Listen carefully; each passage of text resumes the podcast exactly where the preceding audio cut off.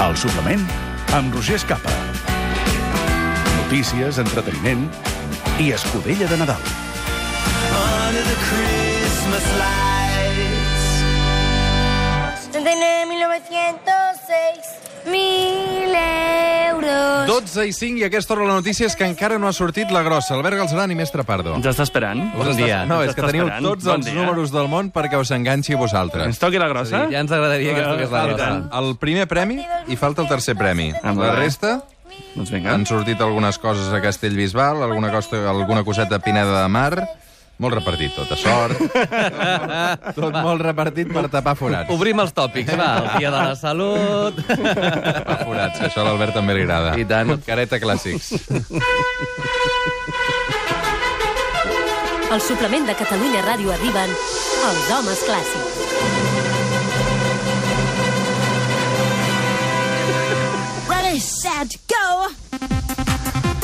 Però ara, en sèrio, no canviarà mai la nostra cinta aquest any? No, no, aquesta temporada de moment... No. potser ja, però al principi 2019. almenys estava afinada. Vull dir, ara el cot va fer no sé quina cosa i... Escolta'm, és tremenda, No. eh? Un moment, un moment, pugem... Alerta. Perquè si parlem Yep. de... A veure, què ha passat alguna aquí? Algo ha passat. Puja, puja, puja, puja, sisplau. No, que han canviat de... Canviat. Han canviat. Ara, ara, ara És el canviem. Teatre Real de Madrid, no? Veus? Sí. Veus, Albert? Estem Teatre comentant Real. la loteria. És el, el, el, que tota la vida han volgut. Tota. Sí, Comentar la realment el loteria. que també es pot comentar és el nivell del públic, eh? les disfresses del públic. Heu, heu anat mai a un esdeveniment d'aquesta mena? No, no, mai al- No. Jo al Real hi he estat per veure òpera. Avui no seria. Però també canten avui, canten molt bé. I tant. Sí, no? A més, Uh, hi havia una noia que s'ha posat molt, Sí, molt sentit, nerviosa, a- s'ha a emocionat, si estava com a fònica. Què, digues, digues. No, anava a dir que, que aquesta cantarella, eh, avui sentint-la, dic, ostres, pues si és la mateixa melodia que Santa Nit. Què dius, ara? Sí, mira, mira, vaig al piano. Ves al piano? Va, piano, sisplau. Ara sortim del guió i el Pedro se'n va cap al piano. A veure, què està passant? Pensa que és... Home! Un euros! Ah, sí. És el mateix, fixa't. Na, na, na, na, na, na, na, na, mil euros, Santa Nit. Clàssic. Bravo. Que bo! Ja està. Ja, Fins a- fins la aquí. de- Mestre Pardo, sensacional, un aplaudiment ben fort, i tant, i tant, i tant. Tot això mentre el Teatre Real de Madrid es preparen per fer el canvi de parella, en aquest cas de lloros, que esperem que ara els que vinguin ja comencin a desgranar els premis més grans. Falta el primer premi, falta el tercer premi, la resta ja han quedat tots repartits. El premi més matiner ha estat el segon premi, el 21.015, ha tocat en pare Castellbisbal, però mentre esperem aquesta grossa eh, i mentre veiem també el nivell del públic, el que Mare de Déu. La gent no ha anat a dormir, eh? Secció habitual dels homes clàssics avui, eh? Per on comencem, Avui nois? habitual gens, perquè avui és un dia importantíssim pels amants de la clàssica. Bueno, avui perquè... és un dia important per l'Albert. Molt. Perquè, clar, avui Molt. està emocionat des de que s'ha aixecat. Sí. no, no, Què ha passat exactament avui, Doncs que Albert? just avui fa 160 anys va néixer el gran Giacomo Puccini.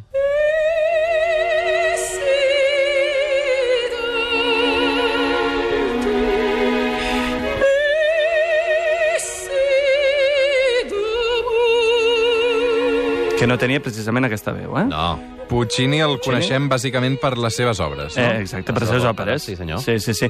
Mm, De fet, Puccini se'l considera el darrer gran operista italià, eh? perquè, de fet, va agafar el testimoni de Verdi, que alhora li va agafar el testimoni a Rossini. Eh? O sigui, seria una, una línia... Successió seria exacte, Rossini, Rossini, Verdi i Puccini. Puccini. Exacte. Però tampoc ens ha de sorprendre molt que es dediqués a la música, eh? perquè ja des de ben petit estava marcat per seguir aquest camí. Agnus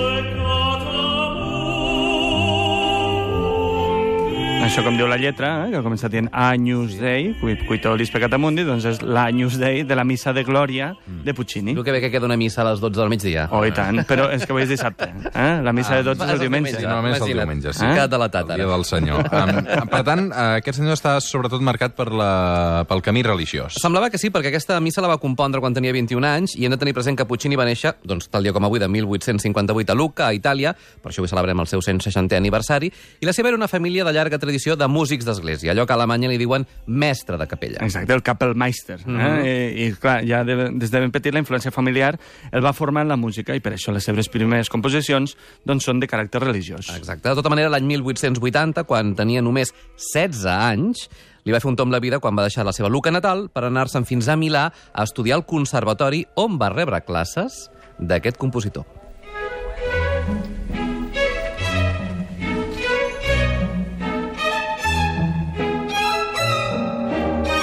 Sopes nor. tara, tara, sopes nor. Sí, sí, però també Ai, no, no es pot fer publicitat, no? No, jo crec que no. Encara les venen? No. Ni idea. Per Sí, tant, ni per idea. tant podem fer publicitat d'alguna que no es sopo cada vespre. Si et veig amb, amb aquest tipus de sopes, que no pas un brou d'aquells de xup-xup i dedicar-hi hores. Clar, home.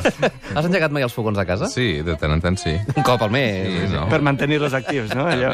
D'això que sentim és la dansa de les hores de l'òpera La Gioconda de Milcare Ponchielli, que va ser doncs, mestre de, de Puccini. Exacte, en tot cas, Ponchielli, que va ser això, mestre de Puccini al Conservatori de Milà, és de qui va aprendre com fer òperes teatrals. Eh? Mm, és a dir, donar-li molta importància a la teatralitat dels textos i, és clar, a, a la música. Per això et volem proposar un experiment, Roger.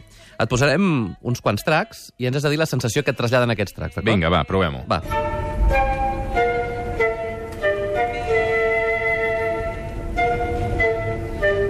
Jo això diria que ve d'Orient, no? Té un aire oriental, anem bé, però Molt bé. sensació, no sé com aquest estudi, no?, la sensació que tens. De, de calor, vols dir? No, fred, no? O sigui, d'arriba l'hivern, eh? Arriba l'hivern. és la seva sensació de sempre. Sí, ell sempre té fred. Sí, És que, de fet, ara t'estic veient amb... amb... sí, sí. Ara Amb la calor que em fa aquí. penedeixo d'haver-me tret el jersei, que tinc una calor terrible. Aquest és l'inici del tercer acte de la Bohème, quan els bohemis, precisament, es troben a les afores de París i Puccini vol fer-nos traslladar aquesta sensació de fred que estan patint. Exacte. I mira, hi ha, hi ha un altre exemple. Ara et posarem un track Mm. i has de dir-nos eh, quin tipus de país t'imagines. Que, ja veuràs, hauràs d'utilitzar molta imaginació. A veure, va. Si és entre un país on, on hi ha una democràcia que respecta els seus ciutadans Mm. o, un pa, o un país llunyà i exòtic amb governants totalitaris. Ja veuràs, escolta.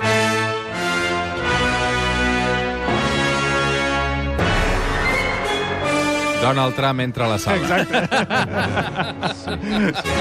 Sí, sí, Fumanxú. Eh? Sí, clar. Fumanxú. Mal eh? rotllo, eh, de música. Sí, sí. De fet, desobrir-se la cortina immediatament. Només amb la música ja et poses en context. Foscor, opressió, por...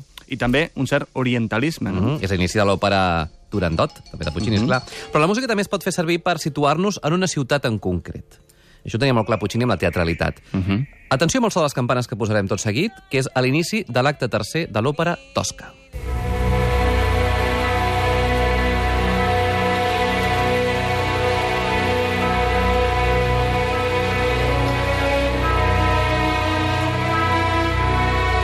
Sents? Sí, sentim les campanes. Saps què són aquestes campanes? Deu ser el despertar d'alguna cosa, no? Es fa de dia. Concretament, sí, es fa de dia a Roma, en aquest cas, Ah. eh? perquè és on passa l'acció de l'òpera Tosca, i la particularitat és que Puccini es va prendre la molèstia de matinar diversos dies a Roma i agafar una partitura i anar-se anotant el so real de les moltes campanes, de les moltes esglésies que hi ha a Roma, de manera que l'espectador sentia el, camp, el despertar real de la seva ciutat. Això em recorda una mica al, a aquesta secció que feu que es diu el paisatge sonor, que és Sí. tan xula i que, que has d'endevinar eh, coses de tant en tant, no? I, i se, senten, se senten coses. Doncs Per aquí... què riu l'Albert No, no, no, no. Aquesta rient. No ho sé. M'agrada sí, molt aquesta, Ah. aquest despertar de Roma. Dona, jo, Ah, jo, jo l'he sentit. Ah, sí. Però Digues, bueno, digues, sí, en tot cas és això, eh? Vull dir, jo me'n recordo quan era petit que anàvem a un poble que és on va néixer ma mare, que es diu Tamarit de Llitera, que està a la franja, i que allà era típic el sonar d'una sirena. Mm. Una sirena que sonava a la una al migdia, sonava a les vuit, que era l'antiga sirena que cridava a treballar i a descansar. Ah. Doncs aquell és el típic, no? Pues, clar, si jo amb una composició meva posés això, tots els habitants d'allà sabrien que és, que és d'allà. és el que va fer Puccini amb les campanes de Roma. És que, com que, i a més a més es va estrenar a, a Roma, el públic es va situar ràpidament a la seva ciutat només pel so de les, de les campanes. Perquè el que, la conclusió a la que volem arribar és que Puccini era un crac de la teatral, teatralització de la música i per això sap crear escenes de gran efecte com aquesta en què el cor canta amb la boca tancada.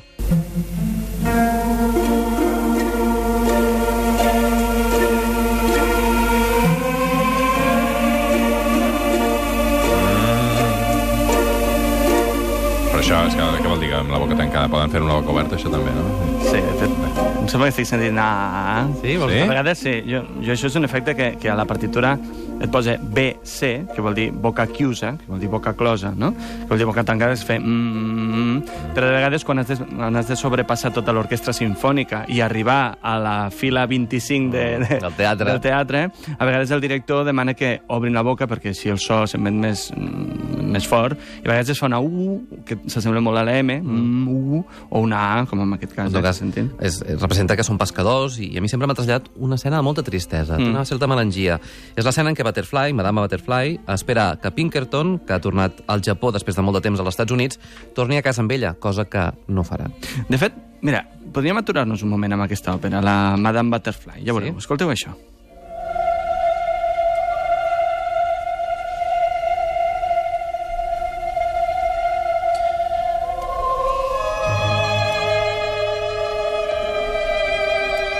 Tu, Roger, t'has fixat en quina tonalitat està... Sí, he trobat que era molt interessant, no sé a quina tonalitat et refereixes. Tot, tot Catalunya està pensant en la tonalitat Amb la ara mateix. tonalitat, Sí, sí. No, no. Doncs mira, no te la diré, però curiosament és la mateixa tonalitat que amb aquesta.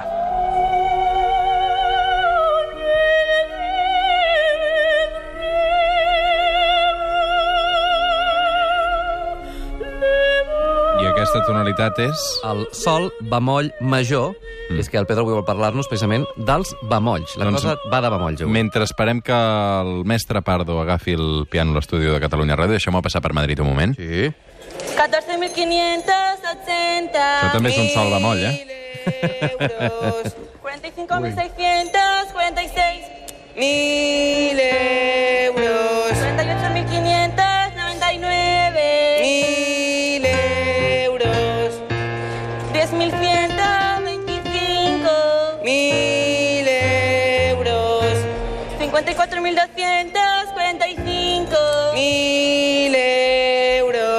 Això és el que està passant ara mateix al Teatre Real de Madrid, amb banda sonora en directe des de Barcelona del mestre Pardo, Àngels Lafuente. Aquí no hi ha manera que surtin els premis, eh? No hi ha manera i amb aquest ritme del nen dient els 1.000 euros no sé si sortirà. Que podem dir que és una mica aturat, aquest nen, no? Aturat, aturat vull només dir del to, diré- eh? El ritme, sí, eh? no, no, només et diré que el primer que, que ha cantat el públic s'ha aixecat a aplaudir per animar-lo, però no Sí, hi ha hagut de manera. debò? No, no, no, no, sí. El, el, el públic s'ha aixecat a aplaudir-lo, a veure si s'animava, perquè és en ritme... A veure, hem fet només tres fils ferros, escolteu-lo. Mil euros. Sí, realment anirem. 453. Mil no, esmorzat, aquest nen. Perdoneu, però no és el moment d'aquest ritme, perquè eh, si no això decau, eh? Això decau i no pot ser, perquè ens falta la grossa. Sí, sí, ens falta el La gran grossa- premi. la grossa no, i el i el tercer, tercer premi. premi, El tercer i el premi tercer també ens premi. falta, vull dir que aquí encara hi ha Però calent joc. si l'ha de cantar aquest nen, tardaré en dir el número, D'acord. perquè mm, costa. Àngels Lafuente, Sí. tranquil·la, calma. No, estic ja neguitosa. Doncs ja et veig que portes aquí... Estic tensa. No, ho veig, ho veig. M'havia de tocar aquest nen. M'havia de tocar aquest nen. Ànims, Àngels, estem Vinga, amb tu. Una abraçada ben amunt. forta. Demana Vinga. pas, eh, per favor. Sí, no us preocupeu. Una Ah, abraçada. Aquí el mestre Pardo ens estava explicant. A veure, per què? Per, explica'm per què aquest noi no... A veure, Mira, és que justament aquest nen està cantant en si bemoll major. Eh? que parlem de si si bemoll. ve Mira, molt major. va. Aquest és si bemoll major, eh? És cosa que- de, de, de bemolls. Sí, vaja. de bemolls. És que la, mm, els bemolls i els sostinguts serveixen un, per canviar eh, el, el, diguéssim, la freqüència de la nota. Entre una nota i una altra, per exemple, si ens imaginem un piano, hi ha un to, entre do i re hi ha un to, entre re i mi hi ha un to, hi ha vegades que entre nota i nota no hi ha tecla negra, hi ha un semitó. Llavors el bemoll el que fa és baixar-li mig to amb una nota i el sostingut el que fa és pujar-li mig to amb una nota. Per què? Perquè una escala major, que seria aquesta, si la comencem des de do, però si la comencem des de re, no sona igual, fixa't. En canvi, Exactament. perquè soni igual que la de do, li hem de posar sostinguts, o bemolls, en aquest cas sostingut, perquè soni així. Llavors ja no sona. Fixa't, el canvi és molt, és molt important. Llavors, amb els bemolls, el que fa eh, Puccini, Puccini. i molts compositors és justament eh, donar-li una certa tristesa i una certa dolçor. Aquest, aquesta tonalitat de, de sol bemoll major, que seria a, aquest, aquesta.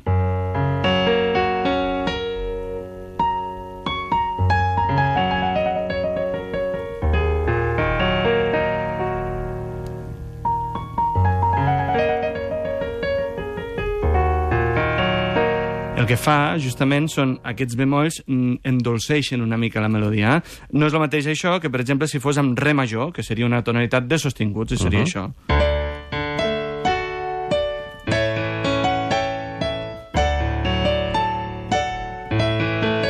Heu vist? Sona com a diferent, Clar. la cosa, eh? En canvi, amb bemolls, com ha, com ha fet aquest nen...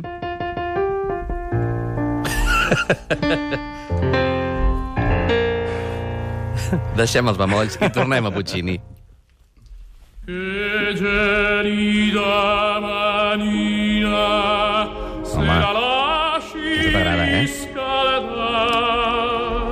Això és la bohem, no? Senyor, senyor, una òpera preciosa, molt bonica. I un èxit absolut, eh, per Puccini, ja que es va estrenar a Turí l'any 1896 i en pocs anys ja s'havia representat per tota Sí, Europa. i no ens ha de sorprendre perquè el públic va emocionar-se amb la història senzilla dels tendres Rodolfo i Mimí, que ella mor en no poder pagar-se una cosa tan senzilla com uns medicaments. Un drama humà, i per això passen els anys i ens segueix emocionant encara dia d'avui, perquè entenem aquella tragèdia com una cosa que ens pot passar a tots. Exacte, gràcies a aquesta empatia que generen els seus personatges, al igual que li passa a Verdi, Puccini va esdevenir el compositor d'Itàlia. Eh? I això, de fet, no va passar desapercebut als feixistes, eh? quan l'any 1926, dos anys després de la mort de Puccini, s'havia d'estrenar la seva òpera pòstuma, Turandot. Signore,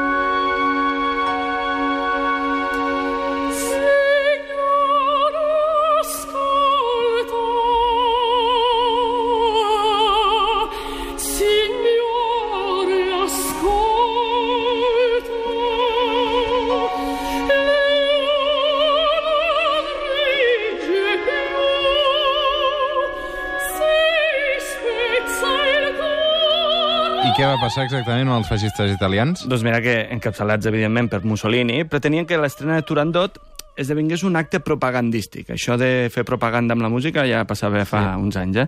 I per això, abans de l'estrena, van demanar que al Teatre d'Òpera de Milà s'interpretés la Giovinezza, eh? que era justament l'himne feixista italià. Mm. És com si, per exemple, aquí, abans d'estrenar una òpera, volguessin que es cantés el Calo Sol. Exacte, un feixista espanyol. Però el director de la representació, Arturo Toscanini, amic personal de Puccini, s'hi va negar rotundament. I això va fer que Mussolini no assistís a l'estrena i, sobretot, que s'enemistés per sempre amb Toscanini. Però aquella nit, el mestre Toscanini no només es va imposar als feixistes, ja que Puccini va deixar l'òpera Turandot inacabada, va dir una frase que marcaria per sempre la història de l'òpera. Escolta això.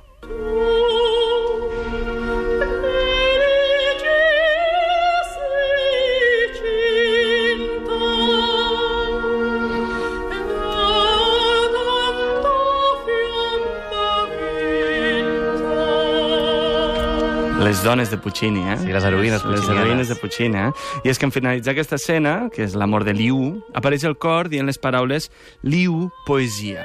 Doncs clar, Toscanini, acte seguit, va baixar la batuta, o sigui, l'òpera no havia acabat, No, eh? no, perquè l'havien... una, una escena sencera encara. Faltava molta escena, però Pucci, eh, Toscanini va baixar la batuta, va fer tancar les cortines del teatre i es va dirigir al públic dient aquí s'acaba l'òpera, perquè en aquest punt il maestro è morto. El maestro finí.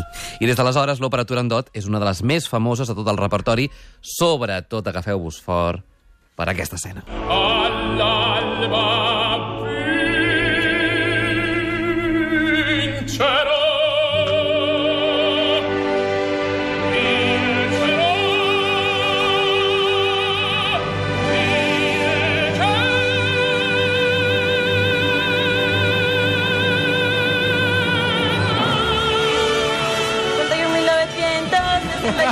No!